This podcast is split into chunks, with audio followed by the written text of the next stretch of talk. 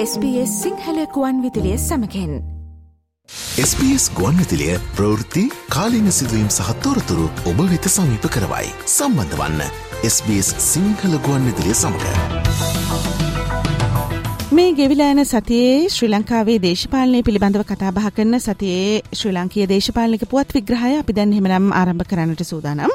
ශ්‍රී ලංකාවේ වඩාත් ප්‍රමුඛයෙන් කතාබහට ලක්වන අවධානයට ලක්වේ යුතු දේශපාලනයේ විශේෂ කාරණ කහිපය කෙරෙහි තමයි මේ විශේෂන්ගේදී අපිට තියෙන කාලවේලාවත් එක්ක අපි අවධානයට ලක් කරන්නේ.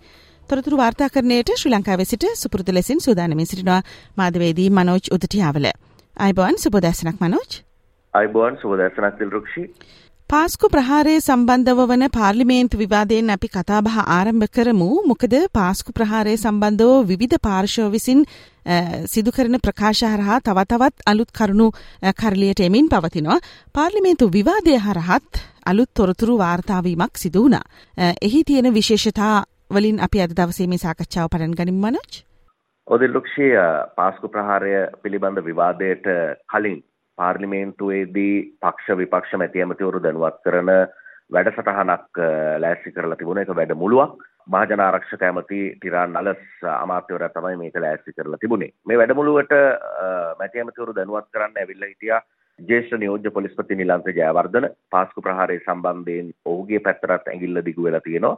මේ වැඩමුළුවට විපක්ෂ නායකවරයාත් ආවා, විපක්ෂයේ ප්‍රධාන සංවිධායකවරයාත් ආවා. නිලන්ත ජයවර්ධන ජේෂ්ඨ නියෝජ්‍ය පොලිස්පතිවරයා දුටුව ගමන් යම් විරෝධයක් එල්ල කරලා තියෙනවා ලක්ෂ්මන් කිරියල්ල මන්ත්‍රීවරයා මොකද නිලන්ත ජයවර්ධන ජේෂ්ඨ නියෝජ්‍ය පොලිස්පතිවරයා මේ අවස්ථාවට සහභාගී වුණු නිසා ඔහු කියලා තියෙනවා මේ ලැජ්ජ නැද්ද පන්ති පවත්වන්න පොලිසිය අය ආරක්ෂා කරන්න යන්නේ වගේ චෝදනාවක් කරලා තියෙනවා. නමුත් මේ අතරේ කතානායකවරයා මහින්දයා පාබේවර්ධන කතානායකවරයා සඳහන් කරලා තියෙනවා වැඩමුළුවට යන්න ගිහිල්ලා ප්‍රශ්න විසඳ ගන්න කියලා. ඒක අවස්ථාවක්. ඒ වගේම පාස්කු ප්‍රහාරය සම්බන්ධයෙන් විවාදය ක්‍රියාත්මක වන වෙලාවේ යම් චෝදනා එල්ල කිරීම ඒ සමග මැති ඇමතිවරුන් වාග් ගැටීම් සිද්ධ වුණා. ඒ අතරේ තවත් අවස්ථාවක් තමයි යුද හමුදාපති හිටපු යුද හමුදාපති සරත් ෆොන්සේකා ෆීල් මාර්ෂල්වරයා කතා කරද්දී ඔහුගේ කතාවේදී පාර්ලිමේන්තුව ඇතුළේදී මහමොල කරුවන් දෙන්නෙක් පිළිබඳව ඔහු චෝදනා කරා. එක්කෙනෙක් තමයි හිටපු ජනාධිපති මෛත්‍රීපාල සිරිසේන මැතිතුමා ඔහුයි සරත් ෆොන්සේක මන්ත්‍රීවරයා අතර අවස්ථා කිහිපයකදී වචන වලින් ගැටෙනවා අපි දැක්කා. ඒ වගේම දෙවෙනි මහමොල කරු විදිහට සරත් ෆොන්සේකා ෆීල්ඩ් මාර්ෂල්වරයා නම් කරා හිටපු ජනාධිපති ගෝඨාභය රාජපක්ෂ ජනාධිපතිවරයා. ඔවුන් දෙදෙනා තමයි මහමොල කරුවන් කියලා පාර්ලිමේන්තුවේදී සරත් ෆොන්සේකා ෆීල්ඩ් මාර්ෂල්වරයා ප්‍රසිද්ධියේ ප්‍රකාශයට පත් කිරීමත් මේ විවාදය අපිට දකින්න පුළුවන්කමක් ලැබුණා. ඊට පස්සේ විවාදය යන අතරේ පිල්ලයන් රාජ්‍ය ඇමතිවරයා සහ හකීම් මන්ත්‍රීවරයා අතර යම් අදහස් වමාරුවක් සිද්ධ වෙලා තියෙනවා. මොකද චැනල් ෆෝ නාලිකාවට තොරතුරු ලබා දීම සම්බන්ධයෙන් පිල්ලයන් රාජ්‍ය ඇමතිවරයාගේ ලේකම්වරයා ඉදිරිපත් කරපු හඬපට පිළිබඳව කතා වුණා. මේ අවස්ථාවේදී රාජ්‍ය ඇමතිවරයා සඳහන් කරලා තියෙනවා මේ සහරාන්ගේ මල්ලි රිල්වාන් බෝම්බ ප්‍රහාරයෙන් පස්සේ ප්‍රතිකාර ලබන්න කොළඹට ගෙනාවා. එයා බලන්න ගිය දේශපාලනඥයින් ගැන පරීක්ෂණවලදී අනාවර අනාවරණය වෙලා නැද්ද කියලා. පිල්ලයන් රාජ්‍යමතිවරය අහලා තියෙනවා. ඊට පස්සේ මේ වෙලාවේ රවුෆ් හකීම් මන්ත්‍රීවරයා ටිකක් කලබලෙන් රාජ්‍යමතිවරයාට බැනවැදුණු බවක් වාර්තා වෙනවා මේ කාරණය මතු කිරීමත් එක්ක. අවසානයේ දවස් දෙකක විවාදයක් පාර්ලිමේන්තුවේ පැවැත්වුණා. විවාද ඉවර වෙලා වැඩබලන ආරක්ෂක රාජ්‍යමතිවරයා විදිහට ප්‍රමිත බණ්ඩාර තෙන්නකොන් රාජ්‍යමතිවරයා පිළිතුරු කතාව කරලා තියෙනවා. මේ වගේ තවත් ප්‍රහාර සිද්ධ වෙන්න පුළුවන්. ඒවා එල්ල වෙන්න කලින් නතර කරන්න වැඩපිළිවෙල ක්‍රියාත්මක කරන්න ඕනේ කියලා වැඩබලන ආරක්ෂක ඇමතිවරයා විදිහට ප්‍රවිත බණ්ඩාර තෙන්නකෝන් රාජ්‍ය ඇමතිවරයා අදහස් දක්වලා තියෙනවා. කොමුණත් පාර්ලිමේන්තුවේ අවසානයේ දෙන්නයි කතා වහන්න පාර්ලිමේන්තුවේ ඉඳලා තියෙන්නේ. හොඳයි. මේ විවාදයේ බොහොම සැර ප්‍රකාශයට මෙහෙට විසිවෙනවා අපි දැක්කා. හැබැයි ඒ අතරතුරනත් වර්තමාන ආණ්ඩුවේ ඉන්න ඇතැම් අය එවක ආණ්ඩුවෙත් හිටියා ඒ සියලු දෙනාම වගකිව යුතු වගට ජාතික ජනබලවේගේ නායක ජනතා විමුක්ති පෙරමුණ නායක අනුර කුමාර දිසානායක බොහොම ප්‍රබල ප්‍රකාශයක් කළා. දේශපාලන පක්ෂ ભેදයකින් තොරව ඔහුගේ ප්‍රකාශයේ වැදගත් කරුණු අඩංගු වෙනවා. ඉතින් ඒ නිසා පුංචි වෙලාවක් ලබා ගන්න ඔහුගේ ප්‍රකාශයේ වැදගත් දත්ත සහ කරුණු ඒ වගේම ඔහුගේ චෝදනා ඇයි මේ ආණ්ඩුවට එල්ලවන්නේ. ඔහු චෝදනා කරනවා තාමත් ආණ්ඩු පක්ෂයේ අය ඉන්නවා කියලා. එමනම් බලමු ඔහුගේ ප්‍රකාශය හරහා අපිට දැනගන්නට තියෙන කරුණු මොනවද කියලා. හිටපු ජනාධිපති මෛත්‍රීපාල සිරිසේන මෙම ප්‍රහාරය වළක්වා ගැනීමට අසමත් වූ පාර්ශ්ව ලෙස නිශ්චිත ලෙස සඳහන් කළ යුතුයි. ඇයි? එකක් ශේෂ්ඨාධිකරණ නඩු තීන්දුවකදී ඉතා පැහැදිලිව ලබා දී තිබෙන මේ ප්‍රහාරය වළක්වා ගැනීම සඳහා Tamanට තිබෙන වගකීම ඔහු ඉටු නොකරපු බවට. ඒක ඔහුට ගැලපෙන්න බෑ. නඩු තීන්දුවෙත් තිබෙනවා. ඒ වගේම අඟහරුව අතර ලැස්සෙන බුද්ධි සමාලෝචන රැස්වීමේ මුලසුන දරන්නේ ආරක්ෂක ලේකම්වරේ. ඒ වෙලාවේදී ආරක්ෂක ලේකම්වරයා හැටියට කටයුතු කරන්නේ කරුණාසේන කියන ලේකම්වරයා. ඒ ලේකම්වරයාට විරුද්ධ අපරාධ පරීක්ෂණ දෙපාර්තමේන්තුව විසින් විමර්ශනයක් කරමින් තිබෙනවා. හැබැයි ඔහු මුළුසන දරන සාකච්ඡාවකට CID එක කැදවනවා. ඊළඟ ගත්තොත් එම බුද්ධි මණ්ඩල රැස්වීම නියෝජනය කරනවා ආරක්ෂක මාණ්ඩලික ප්‍රධානිය රවි විජය කුණවර්ධන. ඔහුට අපරාධ පරීක්ෂණ දෙපාර්තමේන්තුව විසින් ළමයි 11 දෙනෙක් පැහැරගෙන ගොස් ඝාතනය කිරීම පිළිබඳ පරීක්ෂණේ වග උත්තරකරුවෙක් හැටියට පරීක්ෂණ කරමින් තිබෙනවා. ඊළඟ මේක නියෝජනය කරනවා ආමි බුද්ධ්‍යංශ නියෝජනය කර මහත්මය. ඔහුට එක්දෙලිගොඩ පැහැරගෙන යාම පිළිබඳව පරීක්ෂණයක් පවත්වන එම CID එක. ඊළඟ මේක නියෝජනය කරනවා අධ්‍යක්ෂක හමුදා බුද්ධ්‍යංශය අමල් කරුණාසේකර මහත්මිය. ඔහුට පරීක්ෂණයක් තියෙනවා CID එක කිට් නිවාරගෙන. මොලේ කලඳක් තිබෙන දේශපාලන මෙහෙයවීමක් තිබෙන නායකයෙක්. එවැනි බුද්ධි සමාලෝචන රැස්වීමක් කැඳවනවද? අපරාධ චෝදනා තිබෙන අපරාධ පරීක්ෂණ විසින් පරීක්ෂණ කරමින් තිබෙන චූදිතයා මුළුසුණු දරන මෙවැනි තත්ත්වයක් ඇති වුනහම ඔහුට විධායක බලය දීලා තියෙන කුමකටද? ඔහුට විධායක බලය දීලා තිබෙන්නේ ඒ බුද්ධි සමාලෝචන රැස්වීම නිසි පරිදි පිහිටීම සඳහා ඔහුට බලය දීලා තිබෙනවා. ඔහු ඒ බලය ක්‍රියාත්මක කරේ නෑ. මෛත්‍රීපාල සිරිසේන. ඔහුට ඒකෙන් ගැලවෙන්න බෑ. ඒ වගේම ගරු මන්ත්‍රීතුමීනි තමන්ගේ පුද්ගලික කෝන්තර මත පොලිස්පතිවරයා පර දින 52 කුමන්ත්‍රණයෙන් පසුව ආරක්ෂක මණ්ඩලයට කැඳවන්නේ නැහැ. තමන්ගේ පුද්ගලික කෝන්තර ආරක්ෂක මණ්ඩලයත් එක්ක පරිමා ගන්න යනවා. ඒ නිසා නිසි පරිදි ආරක්ෂක මණ්ඩලය තුල මේ පිළිබඳ සාකච්ඡාවකට බඳුන් වුණේ නැහැ. ආරක්ෂක මණ්ඩලය නිසි පරිදි කැඳවනු ලැබුවේ නැහැ. හැබැයි අගමැතිවරයා ආරක්ෂක මණ්ඩලයට කැඳවන්නේ නැහැ. මෙම පහරට අවශ්‍ය වෙන අරාජිකත්වයක් නිර්මාණය කරා. ආරක්ෂ මණ්ඩල අරාජිකයි, බුද්ධි සමාලවෘත්ත රැස්වීම අරාජිකයි. ඒ නිසා මේට වගකී යුතු හිටපු ජනාධිපතිවරයා ආණ්ඩුවේ පංගුකරුවෙක් අද.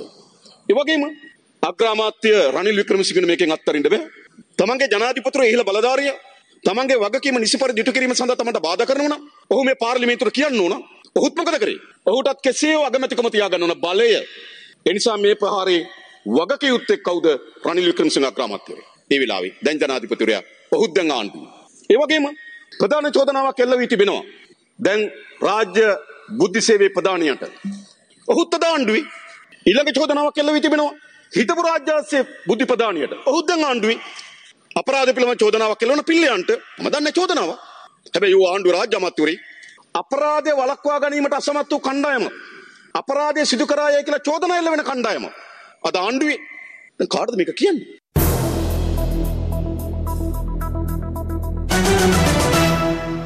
මීළඟට අවධානයට ලක්කරමු පොහොට්ටු පක්ෂයේ රැස්වීම අතරතුරදී අවධානයට ලක්වුණු කරුණු පිළිබඳව. ශ්‍රී ලංකා පොදු ජන පෙරමුණේ රැස්වීමක් පැවැත්වෙලා තියෙනවා පක්ෂ සමාජිකයන් අතර. එතනදී බැසිල්ගෙන් ප්‍රශ්න කිරීම් සිදු කරලා තියෙනවා පක්ෂ සමාජිකයන්. මොනවා සම්බන්ධයෙන්ද? බැසිල්ගේ උත්තර මොනවද? මේවා තමයි අපිට නැගෙන ප්‍රශ්න. මොනවද එතනදි වෙලා තියෙන්නේ මනෝජ්? ඕදෙල්ලුක්ෂි ජනාධිපතිතුමාගේ අමරිකානු සංචාරයට කලින් හිටපු ඇමති බැසිල් රාජපක්ෂ මැතිතුමා ගිහිල්ලා රනිල් වික්‍රමසිංහ ජනාධිපතිවරයාව මුණ ගැහිලා තියෙනවා. ඊට පස්සේ ගිය බ්‍රහස්පතින්දා ශ්‍රී ලංකා පොදු ජන පෙරමුණු මූලස්ථානයේ විශේෂ රැස්වීමක් බැසිල් රාජපක්ෂ හිටපු ඇමතිවරයාගේ ප්‍රධානත්වයෙන් පැවැත්වෙලා තියෙනවා. මෙහිදී පොදුජන පෙරමුණේ මන්ත්‍රීවරු සාකච්ඡා කරලා තියෙනවා අහලා තියෙනවා ඇමතිකම් ගැන ජනාධිපතිතුමත් එක්ක කතා කරාද කියලා. මොකද අමාත්‍ය මණ්ඩල සංශෝධනයක් එහෙම වෙන්න තියෙනවා කියලා කනින් කොනින් අදහස් එන්න තියෙනවා. ඊට පස්සේ බැසිල් රාජපක්ෂට පැමතිවරයා කියලා තියෙනවා එහෙම දෙයක් කතා කරන්නේ නැහැ. කලින් අපි ඉල්ලුවා. දෙනවා කිව්වා දුන්නේ නැහැ. මං ජනාධිපතිතුමත් එක්ක කරුණු තුනක් ගැන විතරයි කතා කරේ. ඒ තමයි රාජ්‍ය ආයතන වහලා දානකොට සේවකයන් ඉවත් කිරීම, ඒ සේවකයන්ගේ අනාගතය, නව ආර්ථික දැක්ම, අස්වැසම ප්‍රතිලාභ ලබා දීම මේ කාරණා තුන ගැන විතරයි මම කතා කරේ කියලා බැසිල් රාජපක්ෂයට ප්‍රමතිවරයා සඳහන් කරලා තියෙනවා. කොමුණත් මේ රැස්වීමේදී ශ්‍රී ලංකා පොදු ජන පෙරමුණේ ඉදිරි දේශපාලන කටයුතු පිළිබඳව තමයි වැඩි වශයෙන් අවධානය යොමු කරලා තියෙන්නේ. ජනාධිපතිවරයා බැසිල් රාජපක්ෂයට ප්‍රමතිවරයා මුණ ගැහුණු නිසා ඇමති දූර අපේක්ෂාවෙනුත් කණ්ඩායමක් ඉන්න නිසා ඔවුන් අහලා තියෙන්නේ ඇමති දූර ගැන කතා කරාද කියන කාරණය. අපි අර ගිය සතියේදී පුංචි ඉඟියක් කළානේ කැබිනට් සංශෝධනයක් වෙන්න යනවා කියලා ජනාධිපතිතුමා ඒ සම්බන්ධව සූදානම් වෙමින් ඉන්නේ කියලා ඒ පිළිබඳව යවත් කාලීන තොරතුරු තියෙනවද මේ සතිය වෙද්දී? තවමත් ජනාධිපතිතුමාගේ සංචාරය ඉවර කරලා ආව විතරයි. යම් ඔය රාජ්‍ය ඇමතිවරුන්ගේ මැසිවිලි සහ අනෙක් කාරණා නිසා යම් විදිහට කැබිනට් සංශෝධනයක් සිදු කරයිද කියන අදහසක් තිබුණා. තවමත් ඒක සිද්ධ වුණේ නැහැ. ජනාධිපතිතුමාගේ ඇමරිකානු සංචාරය අවසන් කරලා ඔහු ලංකාවට පැමිණි විගසම නිසා වෙන්න පුළුවන්.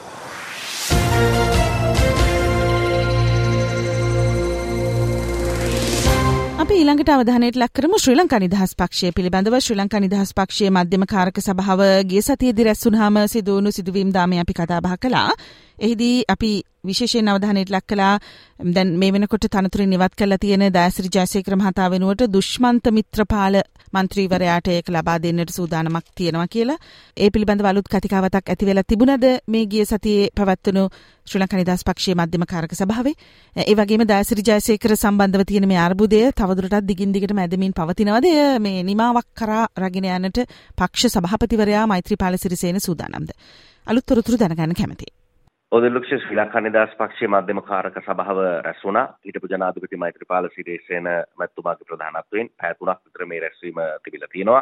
කාරක සභාවට ආරාධනා කරපු සියලු සමාජිකයෝ ඇවිල්ලා තියෙනවා. දයසිරි ජයසේකර මන්ත්‍රීවරයා පිළිබඳව මෛත්‍රීපාල සිරිසේන මැතිතුමාම අදහස් පළ කරලා තියෙනවා.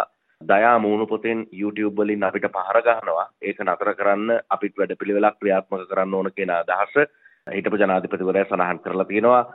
නමුත් මේ අවස්ථාවේ කලින් ඔහු වෙනුවෙන් පෙනී හිටපු මන්ත්‍රීවරු හෝ සමාජිකයින් ඊතරම් කැමැත්තකින් ජයසිරි ජයසේකර මන්ත්‍රීවරයා වෙනුවෙන් අදහස් පළ කිරීමක් පිළිබඳව මේ මධ්‍යම කාරක සභාවේදී වාර්තා වන්නේ නැහැ. දෙදිකම ආසනයේ නියෝජනය කරන සංවිධායකවරයා විතරක් සඳහන් කරලා තියෙනවා ජයසිරි ජයසේකර මන්ත්‍රීවරයාව අපි එකතු කරගන්න ඕන කියලා. දුමින්ද දිසානායක මන්ත්‍රීවරයා එතන කියලා තියෙනවා. අපි සැලසුමක් හැදලා තියෙන්නේ ඒකට අපි එකතු වෙලා එකට වැඩ කරමු කියන අදහසක් එතනදී දුමින් දිසානායක ශ්‍රී ලංකා නිදහස් පක්ෂයේ ජාතක සංවිධායකවරයා සඳහන් කරලා තියෙනවා. කොමුණත් මීට කලින් తాවකාලික මහලේකම්වරයෙක් විදිහට දුෂ්මන්ත මිත්‍රපාල මන්ත්‍රීවරයා පත් කරලා තිබුණා. ඔහුව తాවකාලික විදිහට කටයුතු කරපු ඔහුව වැඩබලන මහලේකම්වරයා විදිහට පත් කරලා තියෙනවා. ඉදිරියේදී මේ සම්බන්ධයෙන් තවදුරටත් සාකච්ඡා කරන්නත් ලංකාව පුරා ඉන්න සියලුම දිස්ත්‍රික් ආසන සංවිධායකවරු කොළඹට කැඳවලා රැස්වීමක් පවත්වන්නත් ශ්‍රී ලංකා නිදහස් පක්ෂය තීරණය කරලා තියෙනවා. හොඳයි අපි මීළඟ විරාමයට යනවා විරමෙන අනතුරුව ශ්‍රී ලංකීය දේශපාලනයේ මේ ගෙවී යන සතියේ සිදුවුණු තවත් උණුසුම් සිදුවීම් පිළිබඳව කතා බහ කරන්න අපි යළිත් හමුයමු. SBS ගුවන්විතිලිය ප්‍රවෘත්ති කාලීන සිදුවීම් සහ තොරතුරු ඔබ වෙත සමීප කරවයි. සම්බන්ධ වන්න SBS සිංහල ගුවන්විතිලිය සමඟ. පසුගිය කාලවකවානුවේදී ශ්‍රී ලංකාව තුළ විශාල වශයෙන් සාකච්ඡාවට ලක්වුණා ත්‍රස්තවාදය වැලක්වීමේ පනත සංශෝධනය සහිතව පාලිමේන්තුට ඉදිරිපත් කිරීම ප්‍රතිස්ත්‍රස්ත පනත ලෙසින් ත්‍රස්ත විරෝධී පනත ලෙසින්. ඊට පස්සේ දැන් තවත් අලුත් මාතෘකාවක් කරලට ඇවෙල්ල තියෙනවා. ශ්‍රී ලංකාවේ අන්තර්ජාල සහ සමාජ මාධ්‍ය නියාමනය කිරීම සඳහාවන කෙටුම් පතක් රැගෙනනට රජය සූදානම්. ඉතින් ඒ පිළිබඳවත් ලොකු කතාබහක් විරෝධතාවක් අපි දකිනවා සමාජයෙන් සහ දේශපාලන ශේත්‍රවලින්. දැන් මනෝජ් මේ ප්‍රතිත්‍රස්ත පනත සහ සමාජ මාධ්‍ය නියමනය කිරීමේ මේ කෙටුම්පත පාර්ලිමේන්තුවට රැගෙනෙන්න තියෙන සූදානම ඒ සඳහා විවාදීල්ල තියෙනවනම් ඒ පැවැත්වීම සඳහා දිනවකවානු තීරණය කල්ල තියෙනවනම් ඒ පිළිබඳව. ඒ වගේම මේ පනත්වලින් මේ ඇයි මේ විදිහට මෙතරම් විරෝධතාවක් කෙල්ල වෙන්නේ කුමන කරුණු අරභයාද ඒ ගැනත් අපි සවිස්තර තොරතුරුවෙන් දැනගන්න කැමතියි. ඔව් ත්‍රස්තවාදය වැළැක්වීමේ පනත සම්බන්ධයෙන් කතා කරද්දී ඒ පනත මීට කලින් පාර්ලිමේන්තුවට අරගෙන එන්න සියලු වැඩ කටයුතු සූදානම් කරලා තිබුණා. පාර්ලිමේන්තු විවාදයට ගන්නවා කියලා දින දීලා තිබුණා. නමුත් යම් විරෝධයන් මතුවෙලා තිබුණා. ඒකට හේතුව මේ පනත මුවාවෙන් ආණ්ඩුවට එරෙහිව එල්ලවන විරෝධතාවයන් මර්ධනය කරන්න ආණ්ඩුව කටයුතු කරනවා කියලා. ඊට පස්සේ තමයි මහජන අදහස් විමසන්න ජනතාවගේ යෝජනා ලබා ගන්න ඔවුන් කටයුතු කරේ. දැන් සඳහන් කරන්නේ ඒ යෝජනාත් ඉදිරිපත් කරලා මේ පනත සූදානම් කරලා තියෙනවා. පාර්ලිමේන්තුවට දාලා පාර්ලිමේන්තුවේදී විවාද කරලා മന്ത്രിවරුන්ගේ අලුත් අදහස් තියෙනවා නම් ඒ අදහසුත් එකතු කරලා අනවශ්‍ය තැන් තියෙනවා නම් ඒවත් ඉවත් කරලා ත්‍රස්වාදය වැළැක්වීමේ පනත ක්‍රියාවට නංවන්න පුළුවන් කියන යෝජනාව තියෙනවා. දැන් ඒක පාර්ලිමේන්තුවට අරගෙන යන මට්ටමේ තියෙන්නේ. සමාජ මාධ්‍ය පනත මේක කෙටුම් පතක් විදිහට තියෙන්නේ. සමාජ මාධ්‍ය අන්තර්ජාලය භාවිතා කරලා සිද්ධ කරන සමාජීය ප්‍රචාරණ නියාමනය කරන්න තමයි මේ පනත ගේන්න සූදානම් කරලා තියෙන්නේ.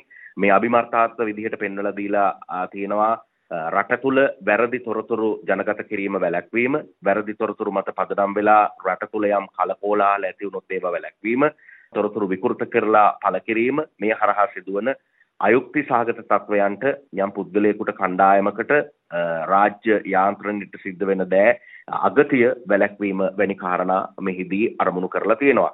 ඉතින් මේ සම්බන්ධයෙන්ුත් විරෝධයක් මතුවෙලා තියෙනවා. එහිදී කියන්නේ යම් විදිහට සමාජ මාධ්‍ය හරහා සිද්ධ වන නිර්නාමික ප්‍රචාරයන්ට නිර්නාමික තොරතුරු දැක්වීම් වලට එරෙහිව ක්‍රියාත්මක කරන්න ඕනේ. නමුත් ඒවා ක්‍රියාත්මක කරන්න ආණ්ඩුව උත්සාහ කරන්නේ ආණ්ඩුවට එල්ල වෙන ප්‍රහාර වළක්ව ගන්න කියන අදහස. ඒ වගේම ජනවාර්ගික සමාජ කල කෝලාහල ඇතිවීමට තුරු දෙන ආකාරයේ සමාජ මාධ්‍ය ප්‍රචාරණ සිද්ධ වෙනවා.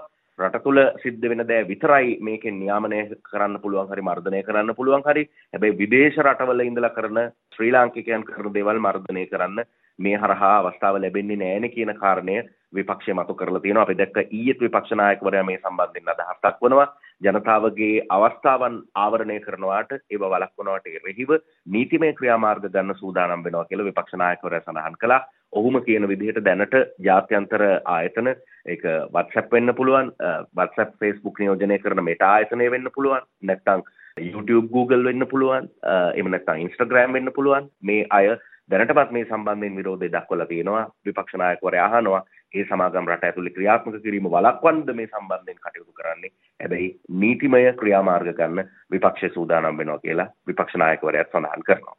රජය ඉදිරිපත් කරන්න යනවා අලුත්ම මාදිලියේ පනතක්. මාර්ගගත ක්‍රමවල ආරක්ෂිත භාවය පිළිබඳ කෙටුම් පනතක්. ඒක ඔක්කොම තියෙන්නේ මර්ධනය. දැන් කොමිසමක් පත් කරන්නට යෝජනා වෙලා තිබෙනවා මේ පනත හරහා. කවුද කොමිසමේ සභාපතිවරයා සහ සමාජිකයෝ පස් දෙනා පත් කරන්නේ? ජනාධිපති. ජනාධිපති පත් කරනවා ජනාධිපති අස් කරනවා. ඔබ හිතනවාද Facebook, Twitter, Instagram, Yahoo මේ රටේ ඉදී කියලා? මෙහෙම පනතක් ගෙනවොත් නිකමට හරි හිතනවාද මේ යන පනත් අනුමත වුණොත් පාස් පාස්කු ප්‍රහාරය පිටුපස සිටින මහමොලකරුවන් ගැන අපිට හොයන්න පුළුවන් කියලා.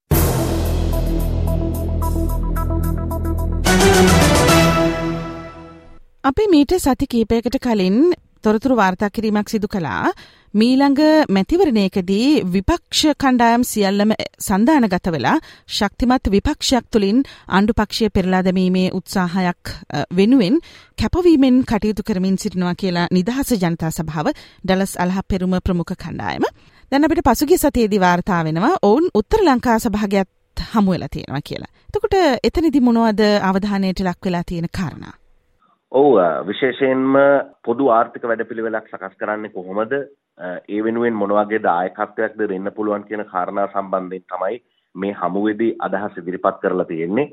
එතකොට මේවා එකිනෙක කණ්ඩායම් අතර බෙදාගන්නේ කොහොමද? තොරතුරු ලබාගන්නේ කොහොමද කියන කාරණයක් සාකච්ඡා වෙලා තිනවා. ඉදිරියේදී එන්න පුළුවන් මැතිවරණ ගැන මෙහිදී සාකච්ඡා කරලා තියෙනවා. කලින් මේ ඉන්නේ ජනාධිපතිවරණයේද නැත්නම් මහමැතිවරණයේද? ඒ හින්දා මේ මැතිවරණ නිශ්චිත නැති නිසා මොකක් වුණත් ඕනම මැතිවරණයකට මුහුණ දෙන්න පුළුවන් විදිහට බලවේගයක් ගොඩනගන්න අවශ්‍යයි කියන කාරණය මෙහිදී සාකච්ඡා වෙලා තිනවා. උත්තර ලංකා සභාවේ නිදහස් ජනතා සභාවයි නියෝජනය කරන മന്ത്രിවරු මේ අවස්ථාවට සහභාගී වුණත් නිදහස් ජනතා සභාවේ නායක දල සලහපෙරුම മന്ത്രിවරයා ජීල් පීරිස් මහාචාර්යවරයා විමල් වීරවංශ മന്ത്രിවරයා ඇතුළු කීප දෙනෙක් මේ අවස්ථාවට ඇවිල්ලා නැහැ කලින් දාගත්තු වැඩ නිසා. නමුත් ඉතිරි කණ්ඩායම් සහභාගී වෙලා තලවතුකුඩ ප්‍රදේශයේ හෝටලයක පහුගිය බදාද තමයි මේ සාකච්ඡාව පවත්වලා තියෙන්නේ. මේක සාකච්ඡාවක් වුණත් අපි කලින් සඳහන් කරපු කාරණා ගැන ඔවුන් අවධානය යොමු කරලා තියෙනවා. කොහොමද මේ පොදු ආර්ථික වැඩපිළිවෙලක් හදාගන්නේ? ඒ වෙනුවෙන් දායකත්වය කොහොමද? මොන මැතිවරණයක් ආවත් කොහොමද බලවේගයක් විදිහට කොට නැගින්න ඕන කියන කාරණා මූලික කරගෙන ඔවුන් සාකච්ඡා කරලා තියෙනවා.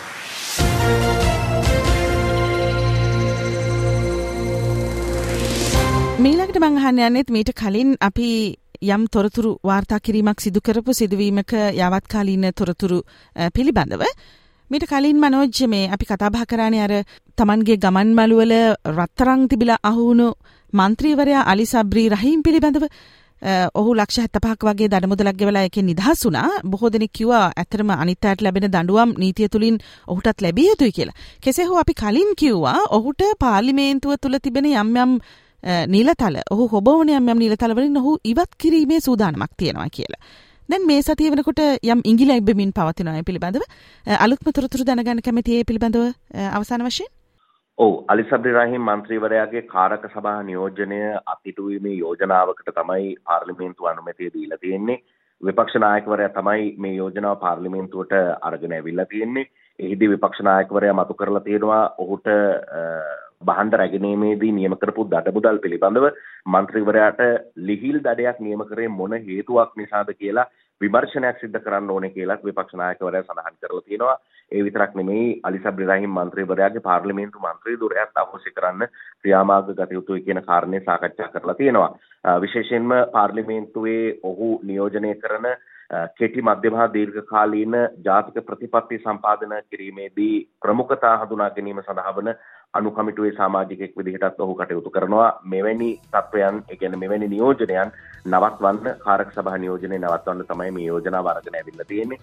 ඒ අනුව ඉදිරියේදී ඔහුගේ මන්ත්‍රී ධූරය සම්බන්ධයෙන්ුත් මන්ත්‍රීවරුම යෝජනාවක් අරගෙන එන්න සූදානමක් තියෙනවා කියලයි තොරතුරු ලැබෙන්නේ. බොහොම ස්තුතියි මනෝජ්. මේ ගෙවිලා ගිය සතිය ශ්‍රී ලංකීය දේශපාලනයේ තත්විත්ති අපිට සමීප කළාට. එමනම් අපි හෙට හමුවෙමු මව්බිමෙන් පුවත් විශේෂංකයෙන්. අයිබෝවන්. අයිබෝවන්. බොහොම ස්තුතියි දෙල්ලෝෂ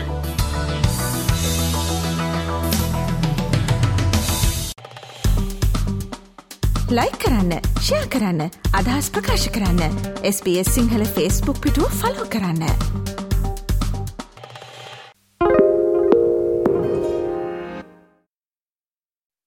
Why do people want to be at work? To feel heard, appreciated, part of something, and to know there's a career path for everyone.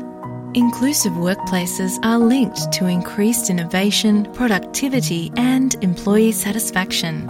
Make your organisation a place where people want to be. For inclusion and diversity training, visit inclusion program.com.au.